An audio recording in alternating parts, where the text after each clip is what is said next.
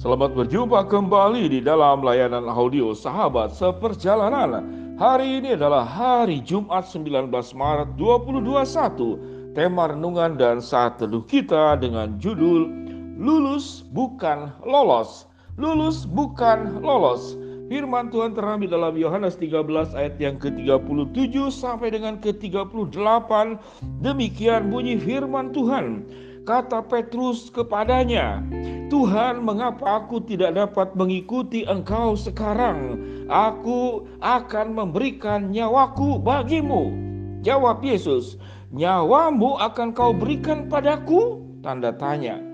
Sesungguhnya aku berkata kepadamu, sebelum ayam berkokok, engkau telah menyangkal aku tiga kali.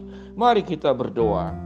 Bapa yang di dalam sorga, biarlah kami ya Tuhan untuk belajar bahwa mengikut Tuhan, hidup bersama dengan Tuhan, tidak cukup hanya penampakan luar, namun kami harus menjadi orang-orang yang lulus secara luar dan dalam, secara kesan luar dan juga secara hati yang ada di dalam diri kami sendiri. Sehingga kami tidak menjadi Petrus-Petrus pada abad dan masa kini, Seakan-akan kami sudah melayani dan memberikan yang terbaik untuk Tuhan, namun sesungguhnya kami tidaklah demikian di mata Tuhan. Di dalam nama Tuhan Yesus kami berdoa. Amin. Sahabat seperjalanan yang dikasih Tuhan, lulus bukan lolos. Petrus itu lolos menjadi murid Tuhan yang dipilih dari 12 orang dari sekian banyak menjadi 12 salah satu dari 12 yang dipilih oleh Yesus. Namun Petrus tidak lulus menjadi murid Tuhan. Mengapa demikian? Kalimatnya sangat jelas sekali. Begitu luar biasanya Petrus berkata kepada Yesus apa yang dikatakan. Aku akan memberikan nyawaku bagimu. Ini kata Petrus. Kalau ada orang yang sudah berkata demikian itu sungguh luar biasa. Ini orang luar biasa. Kalau sampai nyawa pun bisa diberikan kepada seseorang yang dicintainya, dalam hal ini Petrus kepada Yesus, ini luar biasa. Namun apa yang dikatakan oleh Yesus, apa yang dikatakan Yesus kepada Petrus? Yesus berkata, jawab Yesus, nyawamu akan kau berikan padaku. Dan yang luar biasa kalimat yang berikut, sesungguhnya aku berkata kepadamu, sebelum ayam berkokok engkau telah menyangkal aku tiga kali. Mari sahabat seperjalanan kita simak baik-baik ayat ini. Seakan-akan ayat ini adalah bagian yang hanya itu untuk Petrus. Namun sesungguhnya ayat ini adalah gambaran juga untuk diri kita sebagai orang-orang percaya. Sudah berapa lama kita menjadi orang percaya? Sudah berapa lama kita mengikut Tuhan?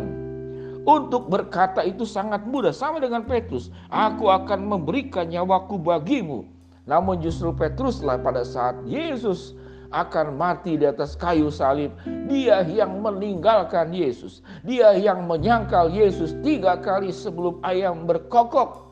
Tatkala dekat-dekat orang dan orang bertanya, inikah jangan-jangan ini murid Yesus? Lalu apa yang dikatakan oleh Petrus?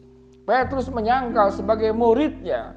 Petrus tidak mengakui Yesus sebagai Tuhannya. Aku tidak mengenal dia.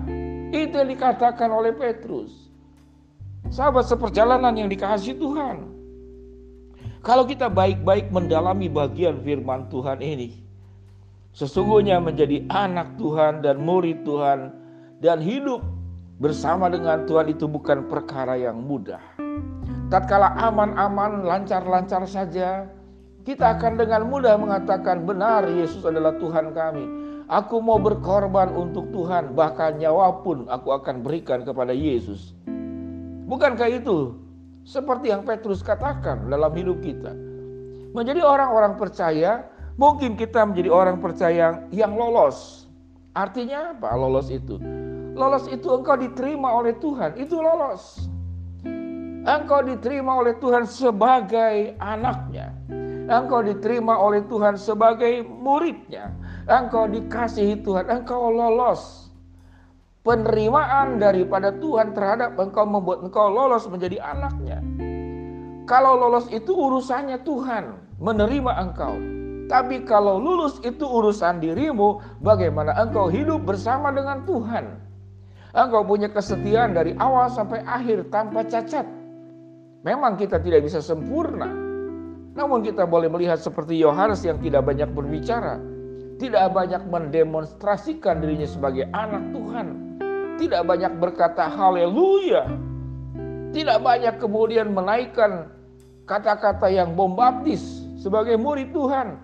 Namun Yohaneslah yang setia sampai di bawah kaki salib Yesus bersama dengan ibunya. Hanya satu-satunya murid Yesus yang ada bersama dengan Yesus pada saat Yesus itu disalibkan. Sahabat seperjalanan yang dikasih Tuhan, biarlah kita menjadi orang percaya yang tidak hanya lolos. Kalau lolos itu berarti kamu diterima oleh Tuhan. Sahabat seperjalanan dicintai oleh Tuhan Sahabat seperjalanan itu diselamatkan oleh Yesus.